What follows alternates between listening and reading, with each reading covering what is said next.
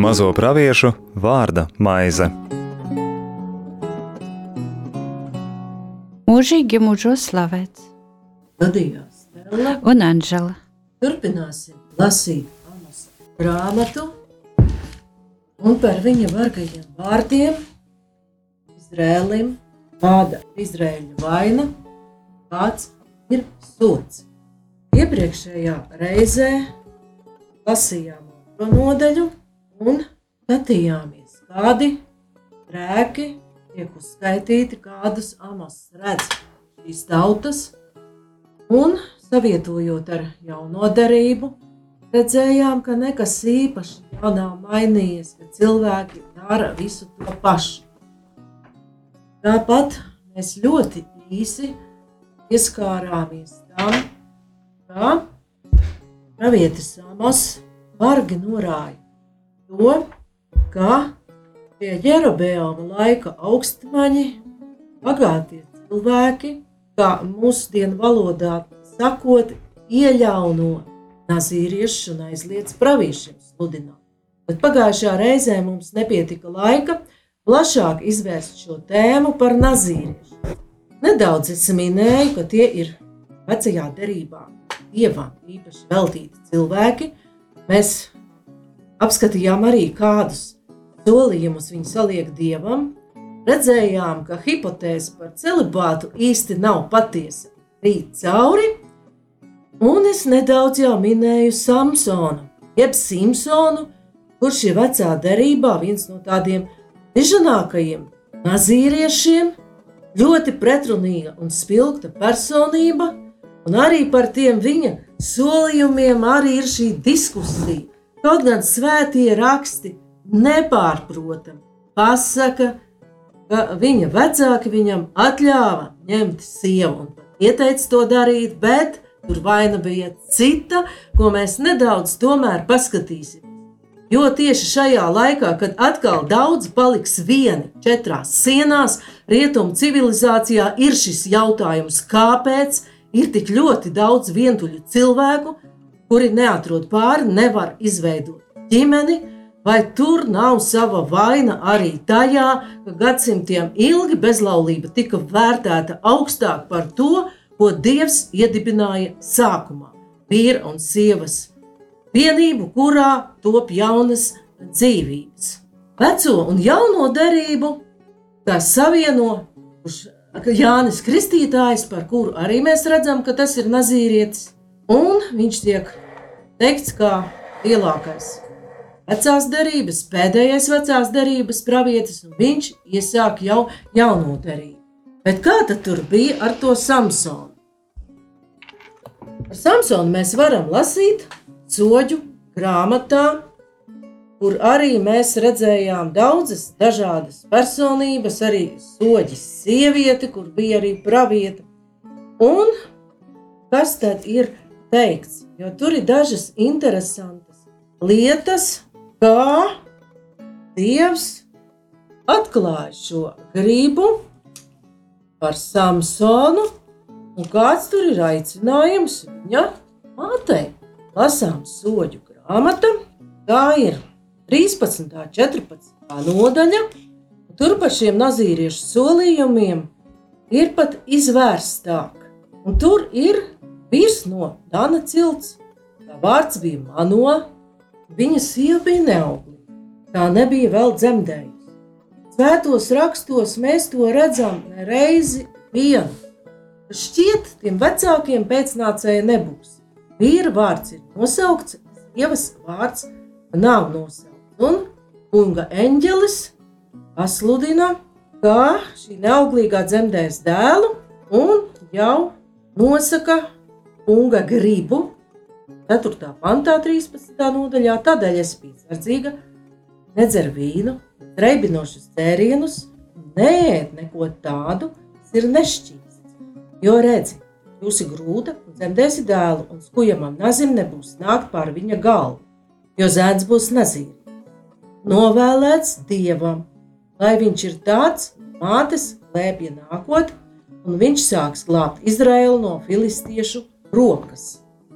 Viņš atpestīs Izraēlu dieva spēkā no filistiešiem, kuru rokās, ja mēs pētītu vairāk šo grāmatu, Izraēļš noveda viņu pašu atkrišana no dieva. Un tālāk mēs redzam vēl tādu interesantu vēstu.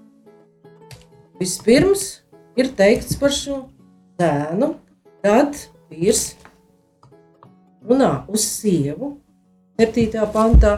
Man sacīja, redzi, tu kļūsi grūta, dzemdēsi dēlu, bet tagad nedzer vīnu, ne stiprus reibinošus tērienus, un neēd neko tādu, kas ir nešķīsti, jo šis zēns būs nazīvīgs. Novēlēts dievam, sākot ar viņa piedzimšanu līdz pat viņa nāves dienām. Tātad par Samsona aicinājumu vispirms tiek uzrunāts tēvs, bet vēlāk šo aicinājumu tieši sievietē pildīt šos solījumus, saņem arī pati dieva. Tiek atkārtots. Pat divas reizes, ah, ne pati sieva, bet atkal tas ir caur vīru, bet atkārtots tas ir divas reizes. Šī sieva, lai atturas no visa tā, ko es viņai esmu minējis. Neko, kas izaug no vīna koka, viņai nebūs ēst, un viņai nebūs dzert ne vīnu, ne stiprus reibinošus tērienus, un viņai nebūs neko tādu ēst, kas ir nešķīsts. Ko es esmu viņai pavēlējis, to lai viņa ievēro. Tā tad izrādās, ka sievietei nav teikts, cik ilgu laiku var būt šī sieviete šos noteikumus saglabājusi visu atlikušo dzīvi. Un nekur arī nav teikts, ka viņa laulāto attiecības tāpēc ir mazvērtīgas vai neturpināmas. Bet viņi pildīja to uh, solījumu savu, ja, un tad pildīja dieva gribu.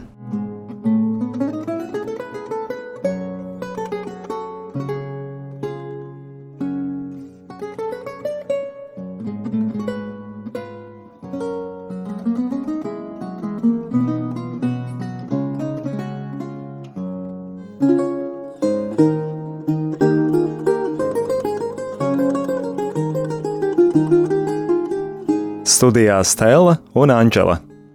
Bet, ja mēs turpinām tālāk lasīt trešo nodaļu, tad Āmasa grāmatas klausieties šos vārdus, ko kungs runājis par jums, Izraēla dēli, par visām dzimtām, ko es ņēmu no Ēģiptes zemes. Tikai jūs vien pazinu no visām zemēm dzimtām, tādēļ jūs arī sodīšu par visām vainām. Tātad paiet laiks, un Izraēla tauta aizmirst savu glābēju, aizmirst, kā Dievs izveda viņus no Ēģiptes, un vairāk ne, nevēlas pildīt Dieva gribu, nevēlas pildīt Dieva likumus. Tas ir uh, savā ziņā arī nepildīt šos uzdevumus, jo varam, Solījums, arī jā. šos solījumus, jo varam atcerēties, ka arī Samsonam ar to visu gāja samērā grūti, un tāpēc varbūt ir šī vēlēšanās no visiem šādiem. Īpaši, ja tie attiecas, ka ir iespēja dibināt ģimeni, bet tur ir noteikums, šai ziņā atcerēsimies, ka Samsons neklausīja vecāku padomu. Un tur ir viens būtisks moments, šajā gadījumā varbūt to nelasīšu.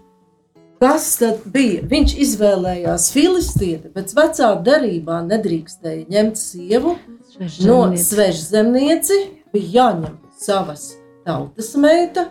Un tur ir tāds būtisks vārds, kas savieno gan šo seno soļu grāmatu, gan ar to, kas notiek Amasa grāmatā, un kāpēc tā atkrišana ļoti bieži notiek, un kāpēc arī mēs paši daudzreiz varbūt tādās lietās ieejam. Un patreiz es gribētu pat atšķirt, man kaut kur aizkrīt tā vieta. Tur ir tādi vārdi, kāpēc viņš tik ļoti grib to filistieti par sievu. Vecāki viņam saka, vai tad nav mūsu cilts, meiteņa nav mūsu cilts jaunam. Viņa manām acīm ir tīkama, dodiet man tikai viņu. Tā tad ļoti ātri cilvēks no dieva līkuma var aiziet, varētu teikt, pat tautas valodā uzraujoties uz to, kas viņa acīm ir tīkams. Un īpaši, ja mēs vēl tagad uzreiz atceramies, ka Dievs redz cilvēka sirdi, ja? un bieži vien, ka mēs cilvēciski nevaram skatīt tikai sirdi cilvēka. Vislabāk jau ir, ja mēs varam to skatīt kopā, bet šai gadījumā ir vēl tāda nianse, kā pat tai dzīves drauga izvēlē vai kādās citās lietās, kā mums iet dzīves ceļi tālāk, ļoti derīgs vecāku padoms. Un tas nebūtu nav zemē metams, jo ļoti bieži vecāki, kuri ir mīlestībā bērnu radījuši un laiduši pasaulē, redz tā izredzētā sirdi, ka tur kaut kas nav kārtībā. Un arī šeit es eh, varētu izlasīt no atklāsmes grāmatas, eh, no trešās nodaļas, jā, no trešās nodaļas kurus es mīlu, tos es norāju un pārmācu. Tad nu esi dedzīgs un atgriezies. Redzi, es stāvu pie durvīm un klavēju. Ja kāds sadzirdēs manu balsi un durvis atvērs, es ieiešu pie viņa un turēšu mīlestību ar viņu un viņš ar mani. Jā, kad uh, Dievs, Tēvs mūsu, kurš ir debesīs un kurš ir vada mūs, un tas pats galvenais mūsu tēvs. Bieži vien mēs viņu nedzirdam arī. Jā. Yes. Mēs varam iet tālāk, jau trešajā nodaļā, jo tur ir šis brīdinājums, es jūs piemeklēšu par visiem jūsu pārkāpumiem un kāpēc. Un šai mūsu laikā tas attiecas uz visu jaunās derības tautu. Vispirms es esmu izvedis no Eģiptes zemes, no visām Ciltīm zemes virsū es vienīgos jūs esmu izredzējis. Tad Dievs slēdza īpašu derību ar šo tautu. Īpašā derība mēs par to varam lasīt jau radīšanas grāmatas 15. nodaļā. Tur ir derība ar Ābrahāmu un ļoti lieli apsolījumi Un arī, kad Abrahamam ir veca sieva, un atvainojiet, fizioloģiski tur nekā vairs nevar būt, bet Dievs viņam apsola pēcnācējus, un ka viņi būs kā zvaigznes debesīs. Un 15. nodaļā radīšanas grāmatā mēs lasām par Dieva derību ar Ābrahāmu. Tur ir aprakstīts tāds ļoti mistisks notikums, un vispirms jau Ābrahāms runā no sava cilvēka skatu punkta. Es palieku bez bērniem, mana nama mantinieks būs Damaskietis Eliezers, nu, nekā. Redzi, tu man nesi devis pēcnācēju, bet kungs liek iziet ārā Abrahamam un raudzīties uz zvaigznēm, debesīm, kaitis zvaigznes. Tikpat daudz būs tev pēcnācēji. Un loģiski domājot, zin ko Dievs nezini nekā no sieviešu un vīriešu fizioloģijas, un neredzi, ka es esmu vecs, un man sieva ir vecs, kas man ir. Bet sestais pants, radīšanas grāmatā 15. saka, radīšanas 15. nodaļā saka, Ābrāms uzticējās tam kungam, un Dievs to viņam pieskaitīja. Taisnību, un šīs nodaļas beigās mēs lasām, kā notiek tas, kas vēlāk tiek arī daudzkārt atkārtots vecajā derībā, šī derības formula, un par ko runā Amos, ka es noslēdzu ar jums derību. Jūs esat īpaši. Tanī dienā tas kungs noslēdz ar Ābrām derību, sacīdams: Taviem pēcnācējiem es došu šo zemi no Ēģiptes upes līdz lielajai upei, Eifrates upei. Arī keniešus, kadoniešus, hetiešus, serifiešus, refajiešus, amoriešus, kanāniešus, girgaziešus un jebusiešus. Es arī gribu izlasīt eh, tikai 17. nodaļā radīšanas grāmatā par derības noslēgšanu ar Abrahamu. Kad Abrahams bija 99 gadus vecs, Abramam parādījās kungs un teica: Es esmu visvarenais dievs, staigā manā priekšā un esi nevainojams un es celšu savu derību starp sevi un tevi, un es vairošu tevi daudzuma daudzumā. Un Ābrams krita uz sava vaiga, un Dievs runāja uz viņu. Es redzu, mana derība ar tevi, tu būsi tēvs daudzām tautām, un tavu vārdu vairs nesaukts Ābrams, bet tavs vārds būs Ābrahams, jo es tevi darīšu par tēvu daudzām tautām. Tā tad redzam, ka šis darība tiek atkārtota. Tāpat mēs to varētu redzēt vēl izceļošanas notikumos, un atkal mēs mīņājamies uz tās otrā panta, bet tur ir tāds vārds, kas ir ļoti dziļš un raksturo šīs dieva tautas un dieva attiecības. Un jaunajā derībā jau mēs varētu teikt, dieva un visas jaunās derības tautas attiecības. Es vienīgos jūs esmu atzinis. Ja, только вас признал, знать, пазīt ebreju vārds jada. Un ar šo vārdu apzīmējas Cizrēna un Vasaļa attiecības. Tas ir augstākā valdnieka un zemākā valdnieka attiecības, un atzīt šeit nozīmē pietuvināt, atzīt tuvas attiecības, un tas nozīmē arī atbildes reakciju dieva pazīšanu. Jā, un arī šeit mēs varētu izlasīt Lūkas evanģēlijā, 12. nodaļā, 47. 48. pants, bet tāds kalps, kurš zinādams sava kunga gribu, nebūs sagatavojies vai darījis pēc viņa gribas, saņems daudz sitienu. Bet kas nezinādams darīs to, par ko pelnījis sitienus, tas saņems maz. No ikviena, kam daudz dots, daudz prasīs, un kam daudz uzticēts, no tā vairāk atprasīs. Tie ir, varētu teikt, diezgan biedinoši vārdi, kam ir daudz dots. Nu jā, un tāpēc Izraēla tauta, kur bija uh, dieva tauta, un tāpēc arī Dievs pārmāca savu tautu, lai viņa būtu vienmēr uzticīga viņam izredzēta tauta, un arī mēs esam tā izredzēta tauta, kuru kungs grib vadīt, kuru aicina pildīt viņa gribu.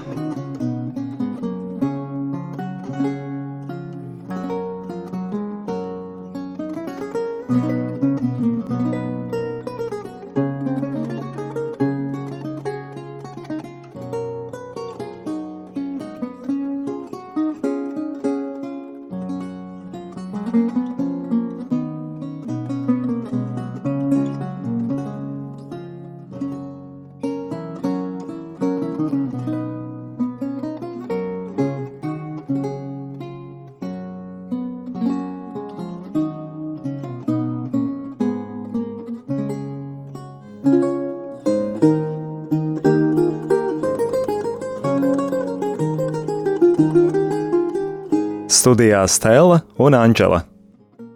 Iesim tagad tālāk, Amos grāmatas trešajā nodaļā, un redzam, ka tur Amos vēstījums kļūst jau tāds arvien asāks.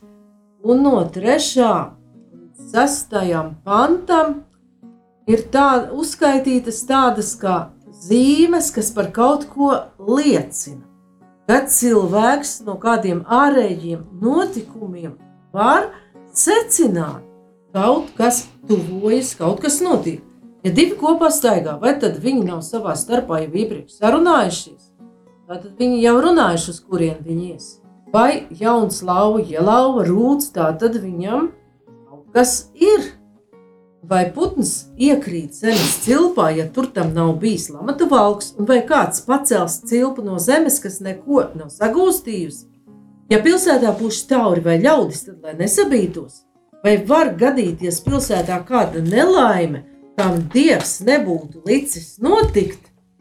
Ar tādiem salīdzinājumiem Amus šo savu vēstījumu kāpina un nonāk pie tā, ka visi notikumi ir dieva rokā, arī tie, kas ir nesaprotami un nepatīkami, arī nāk no viņa. Un šo piekto pantu mēs varam saprast arī, ka Dieva tiesa kā valks un cilpa. Teikt, ka Pāvils vēstulē romiešiem jau runā par to, ka šis likums sagūsta, likums arī uzrāda grēku. Vēstulē romiešiem 7,7 mēs lasām. Kas tad no tā izriet? Vai pati bauslība ir grēks? Tādā ziņā ne. Bet to gan varu teikt. Nebūtu pazinis grēka, ja nebūtu bijis bauslības.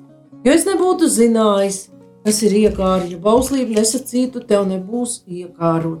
Tad grēks, šī bausļa ierosināts, modināja manī visādas iekāras, jo bez bauslības grēks ir nedzīvs. Tātad šeit Pāvils uzrāda faktiski to tādu likuma cilpu, kas ļauj tautai, arī katram cilvēkam saskatīt, ka viņš ir iekļuvis šajā pārkāpuma, šajā grēka cilpā. Lai šī panta uzreiz ir runa par tauri. Ja pilsētā puš tauri vai ļaudis, lai nesabītos. Taure, nu, ja atcerēsimies viduslaikus, taura skanēja, atnāca Herolds, ka būs valdnieku vēstījums. Un taure vecajā derībā arī vēl kaut ko nozīmē. Kur mēs dzirdam, un jaunajā arī starp citu ir. Šai gadījumā varam dzirdēt tauri, acīm redzot, ātrās palīdzības mašīnu, kas arī iespējams vēstī par kādu ne, ļoti nepatīkamu notikumu. Kad Dievs likumu izdod. jā. izdod likumu 19. nodaļā, izceļošanas grāmatā, mēs varam lasīt, ka tur arī ir, kas notiek lielā godībā, un ir šī tauras skaņa. Otrā mozus, jeb izceļošanas, Sinaja kalnā tiek dota derība, 19. nodaļa, 19. pat no 18. varam lasīt. Un viss Sinaja kalns kūpēja, jo tas kungs nonāca uz to ugunī, un tā dūmi cēlās augšu itin kā cepļa dūmi, un viss kalns ļoti trīcēja. Un bazūnes skaņa pieņēmās spēkā, un Mozus runāja, un Dievs tam atbildēja pērkonā. Tātad šeit bazūnes skaņa ir saistīta ar varenību, ar Dieva varenību, ar viņa godības klātbūtni. Ja runājam par lauvām, vēl, ja, tad arī var izlasīt šeit atklāsmes grāmatā, ja, piektajā, ne, atklāsmes grāmatā, piektajā nodaļā, piektajā pantā. Tad viens no vecajiem man saka, neraudi, redzi, lauva no jūdas cilts, Dāvida sakte. Ir uzvarējis, viņš atvers raksturulli un salauzīs tās septiņus zīmogus. Arī kā lauva tā ir, tā, tajās laikos bija tas tā visstiprākais dzīvnieks, meža zvērs, karalis. Jā. Un, eh, principā, vi, eh, no viņa baidījās visi eh, gani, ka viņš var uzbrukt tā, No vienas puses, tūkstnesī viņš ir uzbrucējs. Viņš ir it kā naidīgs, bet atklāsmes grāmatā viņš jau simbolizē lauvā, ka ir kā Uzvarētais. valdnieks, ka viņš simbolizē Kristu uzvarētāju. Un pat Nārdnijas kronikās, ko daudz varbūt arī pazīst, ka ar lauva ir šis Kristus simbols. Jā, bet šeit viņš arī parāda, ka Dievs nāk kā rūcoša lauva, kur atgādina par sevi, ka vi, tiks sodīti tie, kuri nepilda solījumus. Pareizāk sakot, viņi cietīs savas rīcības sekas. Jā, Un bazūnes mēs redzam arī atklāsmes grāmatas 8. nodaļā, ka septiņas bazūnes pasludina dieva tiesu un dieva dusmas.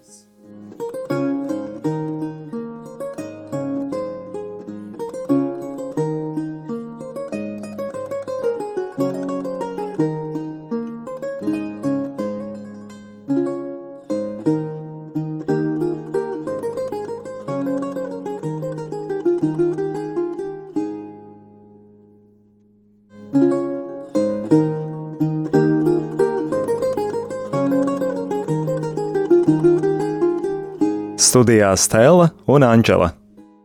Namos trešajā nodaļā, septītā pantā, pie astotā, kur šī lauva rūts pavēstīja, ka Dievs ļoti godīgs. Viņš brīdi un brīdina caur praviešiem. Jo Dievs tas kungs neko nedara, neatklājas savu noslēpumu praviešiem, saviem kalpiem. Laurūts, kurš gan lai nebaidītu, Dievs tas kungs ir runājis. Kas gan tad lai nepravietotu? Tā tad šeit varam saprast, ka Anģeli jau parādīja, ka lauva var būt šis Kristus uzvarētājs simbols, kurš uzvar ļaunumu, uzvar grēku, bet šeit Tur ir divreiz minēta pravietošana, pravietis, kā pat tā pravieša runa ir kā brīdinoša lauvas rūkšana, lai cilvēks ieklausītos un saprastu, ko viņš dara. Vecajā darbā mēs varam lasīt, ka ļoti daudz praviešu sludināja, brīdināja, kā piemēram pirmajā ķēniņu grāmatā, 14. nodaļā, 7. līdz 15. pantam. Pravietis brīdina par Jerabeāma nama grēkiem un iznīcināšanu. Pludina Elija pirmajā ķēniņu grāmatā, 21. nodaļā, 17 līdz 28. Un šoreiz to izlasīsim, lai mēs redzētu, kā spēkā pravietis darbojas. Tad par Eliju ir sacīts tā, 21. nodaļa, no 17. panta. Tā tā kunga vārds nāca par izbieti Eliju. Celies un dodies pretī Izraēļa ķēņam Ahabam, kas dzīvos Samarijā. Viņš pašlaik atrodas Nabota vīna dārzā, kur tas gājis, lai to pārņemtu. Runā ar viņu un saka viņam, tā saka tas kungs, vai tu esi slepkavojis un arī vēl laupījis, un saka viņam vēl šos vārdus. Tā saka tas kungs. Gan īpašā vietā, kur suņi ir lakuši nabolda asins, tie uzlaizīs arī tavas asins. Ļoti draudīgs vārds, kas pasaka ķēniņam, kādas sekas ir šai viņa rīcībā ar nabotu, kura vīnu dārzu viņš bija iekārojis. Un un, tev tavs asins uzlaizīs suņi, atcerēsimies, ka Izrēļam suņi nešķīti dzīvnieki, un tā kunga vārds nāca par izbieti Eliju. Tā tad kunga vārds bija viņa mutē, viņš pats to neizdeva. un priekš mums vārds arī no Jāņa evaņģēlī 15. nodaļas 15. panta. Es jūs vairs nesaucu par kalpiem, jo to, ko dara kungs, viņa kalps nezina. Es jūs saucu par draugiem, jo es esmu jums darījis zināmu visu, ko dzirdēju no tēva. Yes, šis vārds plašāk atklāja šo pravieša uzdevumu, jo jaunajā derībā šis pravieša aicinājums jau dots visai jaunās derības tautai, katram kristītajam. Un jau tas vairs netiek pildīts tādā kā pakļaujoties pavēlei, bet jau draudzībā ar Dievu. Kā nākamajā reizē pabeigsim lasīt šo trešo nodaļu un iesim tālāk Amasu grāmatas pētīšanā, bet šodien laiks ir iztecējis. Paldies par uzmanību! Studijā bija Stela. Un Anģela. Izskanēja raidījums Mazo praviešu vārda maize.